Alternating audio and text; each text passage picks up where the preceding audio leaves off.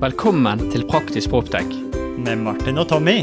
Dette er en podkast der vi ikke skal snakke om en fremtid langt unna, Men hvordan ny teknologi kan hjelpe oss til å drifte forvalte. og bruke byggene våre i dag. Vi vil vise deg de beste eksemplene fra innlandet Og fra utlandet. om hvordan sensorikk, teknologi og bygg henger sammen. Så let's go!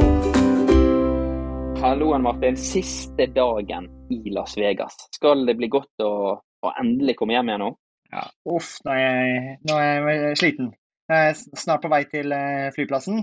For Siste dag var i, i går. Og jeg merker på å være i en by som aldri sover. Stappfullt med VVS-ingeniører fra bransjen. Har, eh, her, her kjørte vi på både dag og natt. Martin, når vi planlagte i går, så, så trumfet jeg gjennom i agendaen. Jeg har jo kanskje kritisert Backnet ganske høylytt, og, og jeg følte at det var viktig at vi møtte de og fikk de muligheten til å svare opp på litt av den kritikken som jeg har kommet med. Fant du, fant du Backnet?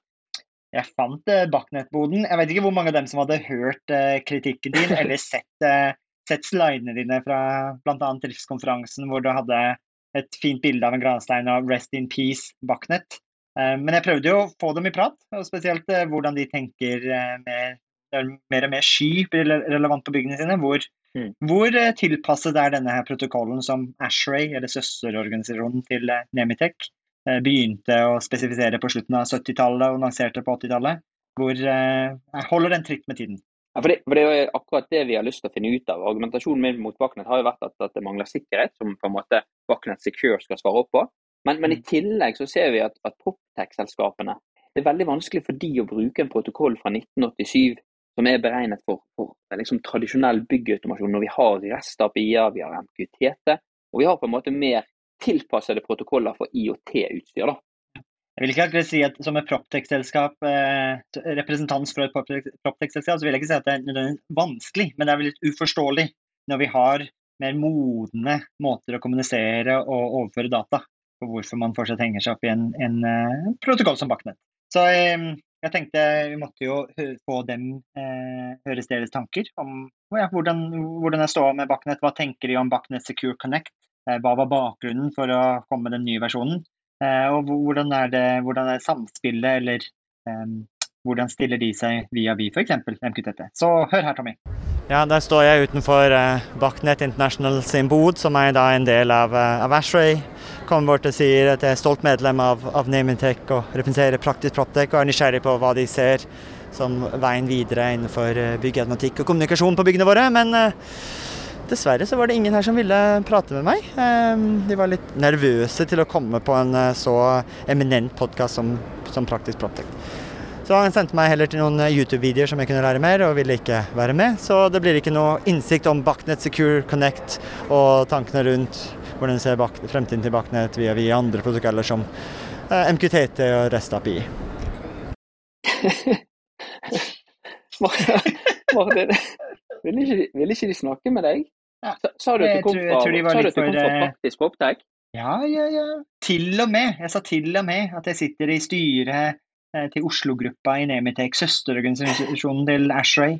Men nei da, de var vel for uh, blyge da, til å være med i en av Norges ledende eiendomsteknologiske podkast.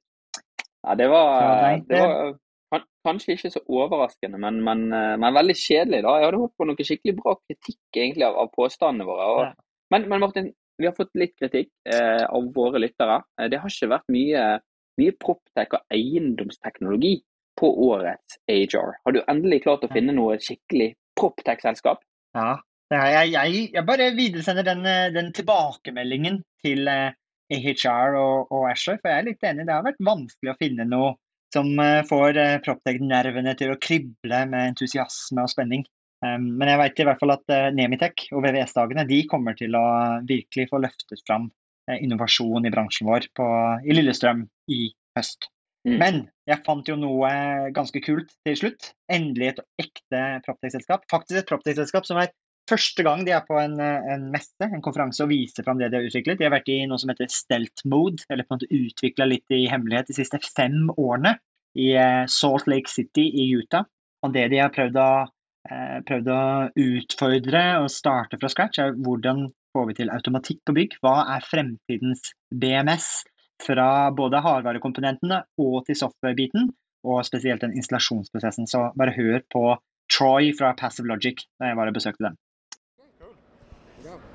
Okay, I'm standing at probably the coolest booth in all of AHR. So if we're talking about property technology and PropTech and changes, uh, it hasn't been so exciting in this fair, but this is the exception that uh, proves the rule. And I'm standing with CEO uh, Troy here. Hi. Yeah, uh, you know, I'd love to bring you in, up to speed on what PassiveLogic is all about and, wh- and what we're doing here. And, and, let's start with taking a step back because one of uh, one of the themes that we've been looking at uh, over the last few months, at least in Norway in our in the organization, is okay. What what how do we get digitalized and adapt to the future, particularly when it comes to automation and control? Yeah. And what was the problem that uh, you guys in PassiveLogic saw, and how are you trying to address that? Yeah, so let's step back for a moment and talk about uh, you know the the building industry as a whole. When we look at buildings, we see that buildings and what's happening in buildings is about 25% of world GDP, right? And and buildings are the dominant users of energy. They're about in US and Europe somewhere in the 40 to 45% of all energy used. The problem is that buildings are on one hand the most complex systems in the world. So take a large uh, skyscraper a large skyscraper would have around 500,000 input output points, sensors, controllables. Let's compare that. 500,000. 500,000. Oh, wow. Okay. So even a mid-scale, you know, b- building might have thousands, right? And small buildings, hundreds. Let's compare that for a moment to autonomous vehicles. So autonomous vehicles, they have only three controllable points, right? You can steer, you can brake, and accelerate. Now they have a really big problem in vision but what we're really interested in is you look at these problems that have what we call state complexity. Whether you have 500,000 or just 1,000 or even a few hundred, if you look at all the scenarios that you can do with 100 input and output points, sensors and controllables, it's beyond what an average programmer could ever, ever possibly do in their lives to, to make one building optimal. So what we looked at is how do we get from autonomy in a single purpose use case like vehicles and make a generalized autonomy platform that can be applied to whatever physics can define. And buildings are a great starting point because of their complexity and the, and the big demand that we have around both energy efficiency and how to just make buildings go in the first place. And how, so with that context and those thoughts, how did you set about? Can you give me an introduction to PassiveLogic and how you set about to uh, change the perspective on how you go into the building, gather this data, and optimize it? Right. So first, we started with the premise that building automation today is, at best, 20 years old. At worst, most of the al- algorithms that we're all based on, the, the biggest algorithm that these guys all use is the thing called PID and is invented in 1922, right? And so it's so out of context for what we're trying to accomplish. So we, we looked at first and foremost the installer, the people who are actually doing the work, whether it's the installer or the engineer or the automation company. And we said, wow, their workflow is terrible. It, it, it's really hard to do, and, and it's you know essentially a bunch of points along the process where you're guaranteed to fail and everybody's going to be yelling at you. So we looked first at how do we start from the workflow of the user experience of how we do automation and we built a new workflow that really kind of follows how we think of buildings in, in, in the general design uh, approach to how we do automation. So, first, people always draw diagrams of where is the sensors, where are they going to be placed, how are they going to be put in the building, and then they're going to draw a diagram to the HVAC system and the energy systems and how those are organized. And so we follow that same workflow. We give you a new kind of environment where you do that same thing instead of just getting paper you're defining with digital twins what the underlying building is, what the sensors are, what the equipment and the systems look like. And from those definitions, we actually control the, the building and the systems in real time based on their underlying physics. So, so there's there's essentially I think your innovation here is, is twofold from what I see on your booth. There's a there's a hardware play where you're re-questioning actually the controllers and the IOs and the yep. modules we put in the building. Yep. But based on your comment about uh, our beloved uh, PID regulators. Yeah. There's also a software play in how, rethinking how we actually use all that data from our sensors and, and control our actuators. Can we start? Let's start and explore. Can we go over here and look yeah. at the, the, the hardware pieces? And there are a couple of key components that I can see in front of us, and let's try and explain them and how they, yeah. they sit together. So let's let's start with that premise again that the hard job of actually getting automation installed in buildings in the first place is our biggest problem, mm-hmm. right?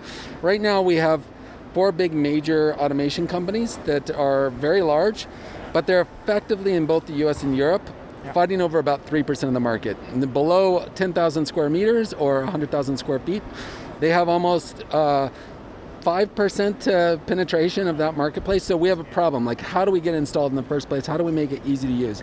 So you're saying that our small and medium-sized buildings? Our small and medium-sized buildings. Are the, the, the, unit, the economics of uh, having uh, control system isn't in place because of the business model of these big players? The business model and the complexity and the expertise requirements, right? So for every guy who can program a building automation platform, there's at least uh, you know one to 500 uh, HVAC techs, right? And so what we want to do is make automation accessible to all those HVAC techs and all the other people in the industry. So, so you start with the user experience that intuitive and easy to learn and doesn't need to uh, uh, like a Niagara workbench or even though it's a visual UI flow, it's still very the, the learning curve is very hard for uh, even a Niagara building automation engineer. So you have two sides of the industry. You have the experts who are suffering right now because their tools aren't capable of producing the results the customers want. So that's one side of our customers. The other side is here's all these novices that we want to enable to become building automation engineers. Okay. So we start with the hardware. Yep. So the Hive platform is the target platform for this autonomous system.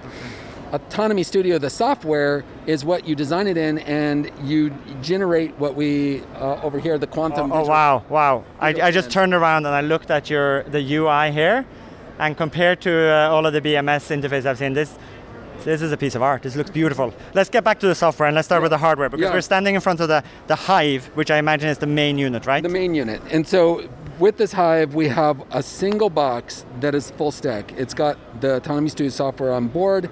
You can interact with your, your wiring in a digital uh, real time workflow. Uh, you have interactive wiring.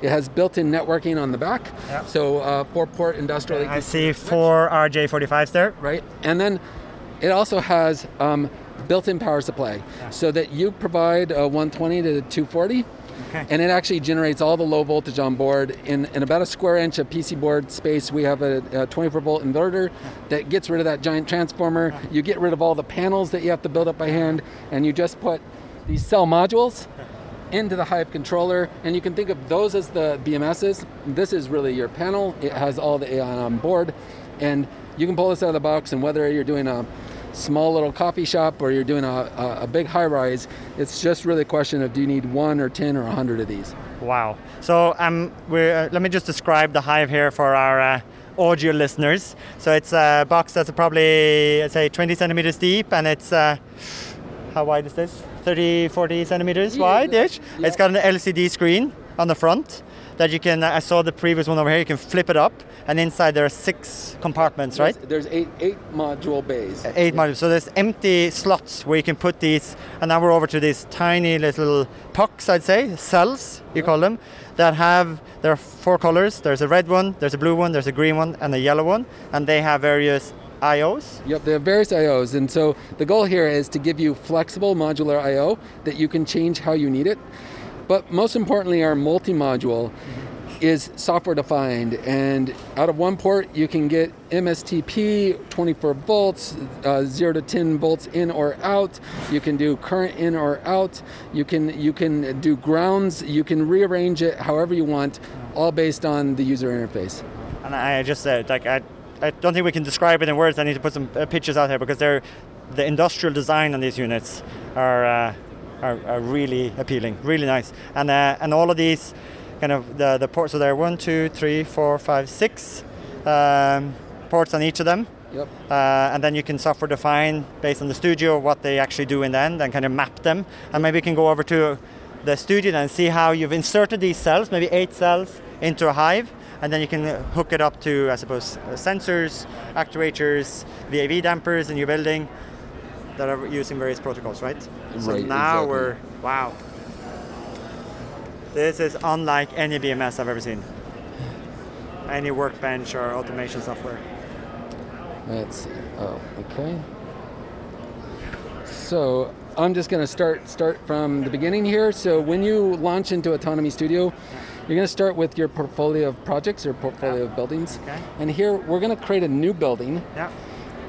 So we just A new installed the hardware in a new building. Yeah. Yep. And so one thing to point out here is you can run this on your desktop or your laptop or, or, or tablet, but it also runs right on the Hive. So if you're doing a simple project, you might be able to just start and finish that whole project within an hour or two, right on site without any other equipment. So here we define where we're located in, in, in the world. We say how many floors are in this building, and then that builds up the building floor stack for us. And then all we have to do is decide that w- w- are we going to import CAD or BIM? Do we have CAD or BIM we can import? If it's an older building, maybe we don't. We can draw what that building looks like, or we can actually scan. We have a tool called Commissioning Studio that works on an iPad or an iPhone with LiDAR. And we can scan about 100,000 square feet or 10,000 square meters of building in one day with one person into a set of floor plans and, and a digital What twin. about so one uh, one uh, piece of tool that's been very popular recently in Norway is the, the Matterport 3D scanners. Yep. Because it's very easy for uh, an operations team to kind of get a quick overview of the building if they don't have a Right. BIM model. Uh, could you use uh, a Matterport to, to upload so- into your BMS? So a little bit different. Uh, what I call Matterport is more of kind of a, a fancy 3D 360 cam uh, approach to a building as opposed to generating like floor plans out of your scans in, in the same way we're doing. So, so a little bit So different. It'll be a bit more accurate, the, the commissioning studio you call it. Yeah, yes, it'd be more accurate and and and more uh, you know appropriate for this kind of use case. So, um, So we've created a building here, and you, it was a very Yeah. intuitive use face to say that we had a three-story building, and I can see now three kind of there's a you had like three levels, and we can jump into the various floors. And now you just uploaded. Uh, there was a, a, a, a picture. This could be picture, a PDF. so was it- it could be a picture of some paper plans. just a um, PNG file, picture file of a, of a floor plan, and we have the initial layout of our building. And so here I'm, I'm just drawing what my zones are. Okay, so you're dragging a rectangle over the main big room, maybe a restaurant area. Yeah. And so here we're gonna just drag. I'm gonna just do for for ease three zones. Yeah. And what one thing that's interesting here is you only have to define the zones, and walls define themselves, right? So interior walls know what interior walls are, exterior walls know what exterior walls are, and go to 3D. And here's my 3D view of that building, and I can copy up. You know, let's Oh, say wow. this is multiple stories with the same floor plan, or I can edit those floor plans as I want. So essentially, in I think it took us 27 seconds, you made a four-story 3D model of our building. Right, exactly. and and so now I'm going to drag and drop our sensors Yeah. into the building. So what we're doing is we're building a location model for where sensors in the building. I can adjust, you know, their heights of those those sensors. I can put them on walls. I can put them on floors. And when we go back, what we've had here now we have this uh, this this building model, the physics model of the building, the sensors, where they're located, and how they interact with that physics. And then the and then you could also, if they have relationships, because now they're within a zone, within a room. If they, if there's a supply event that's linked to an AHU, you can very quickly build up a relationship between this temperature is. All of these Sen- relationships are building up automatically in the background. So what we're actually doing here is a new kind of AI called deep physics.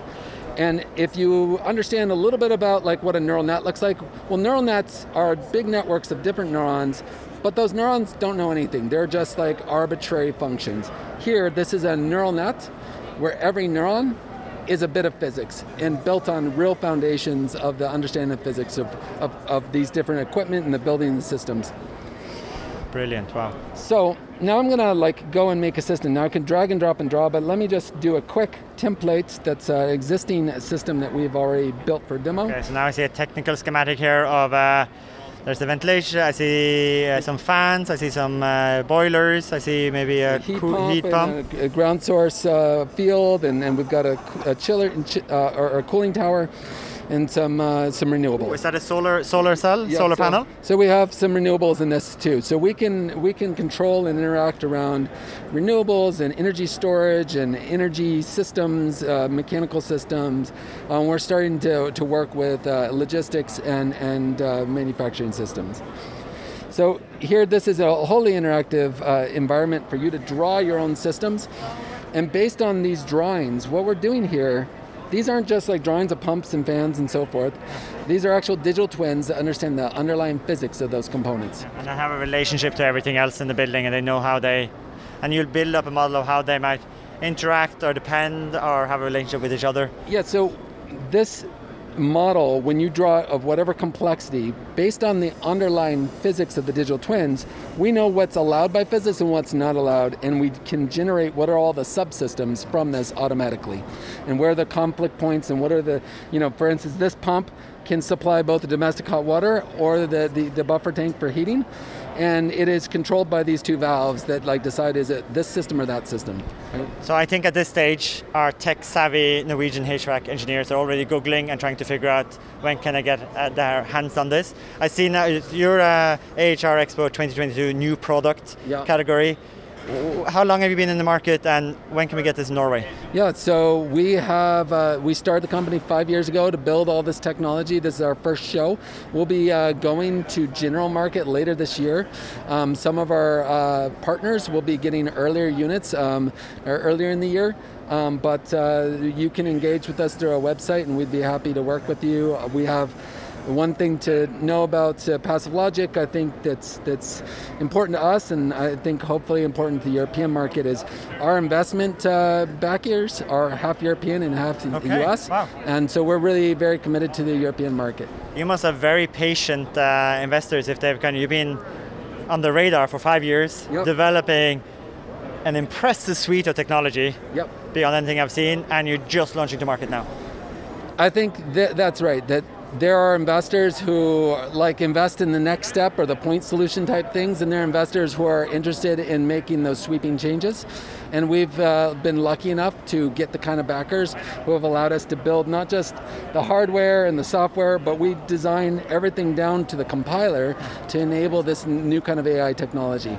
A- And where are you guys uh, based at the moment? So we're um, um, the bulk of our company is based in Salt Lake City, Utah, but we have employees around the world, and uh, you know as far as away as Australia, some in Europe, uh, and distributed throughout the U.S.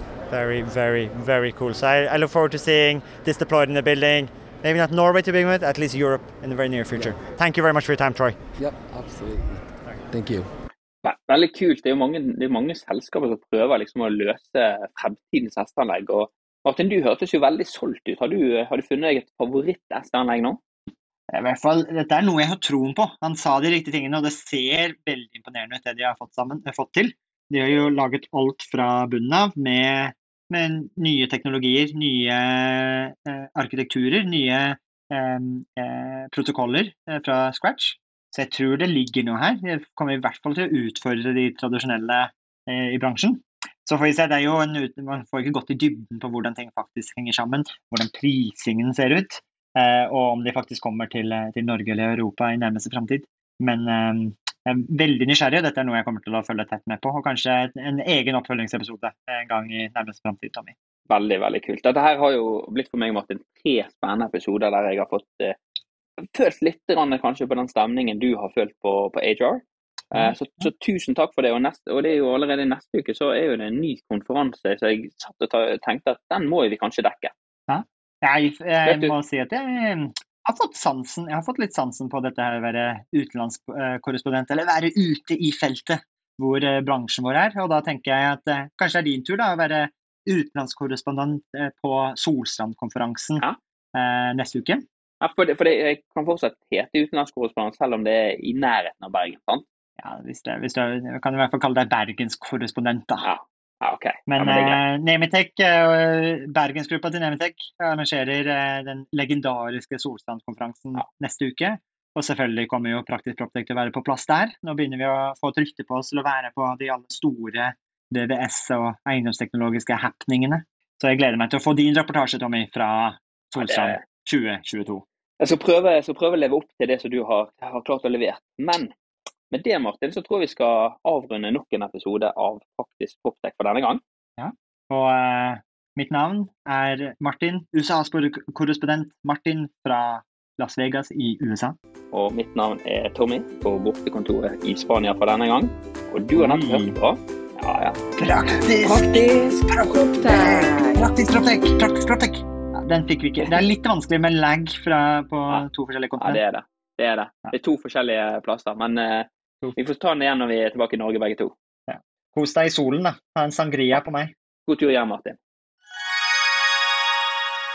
Da dere er 2024 i gang, og et av høydepunktene på starten av året er jo sett sammen et årshjul, og det har vi også gjort, Tommy. Ja, Akkurat nå sitter jeg og ringer rundt 25. og 26. april, for da skal vi på FTV-kongressen. Og det blir litt ekstra spesielt i år, Martin.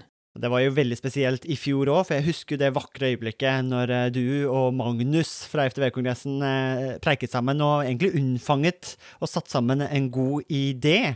Og det var jo invitasjonen til eh, Proptech-dugnaden, som også blir et høydepunkt i år, ikke sant, Magnus, på FTV-kongressen 2024?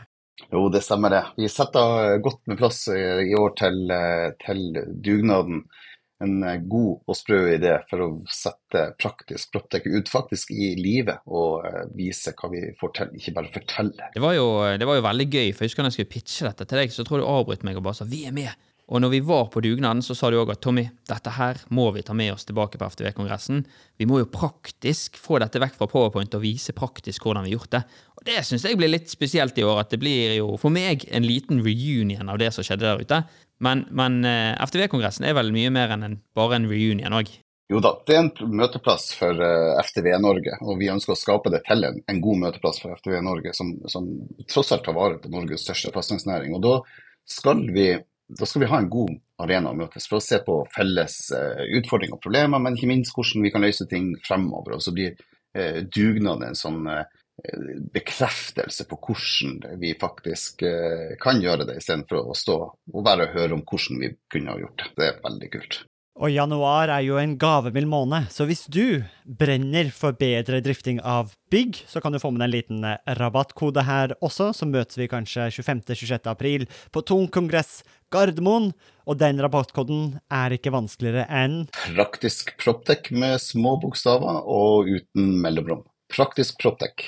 Praktisk Proptech, små bokstaver, ingen mellomrom, ett ord. ftvkongressen.no, der ser du programmet, det blir oppdatert i disse dagene, og så møtes vi i april. Vi ses! Vi ses!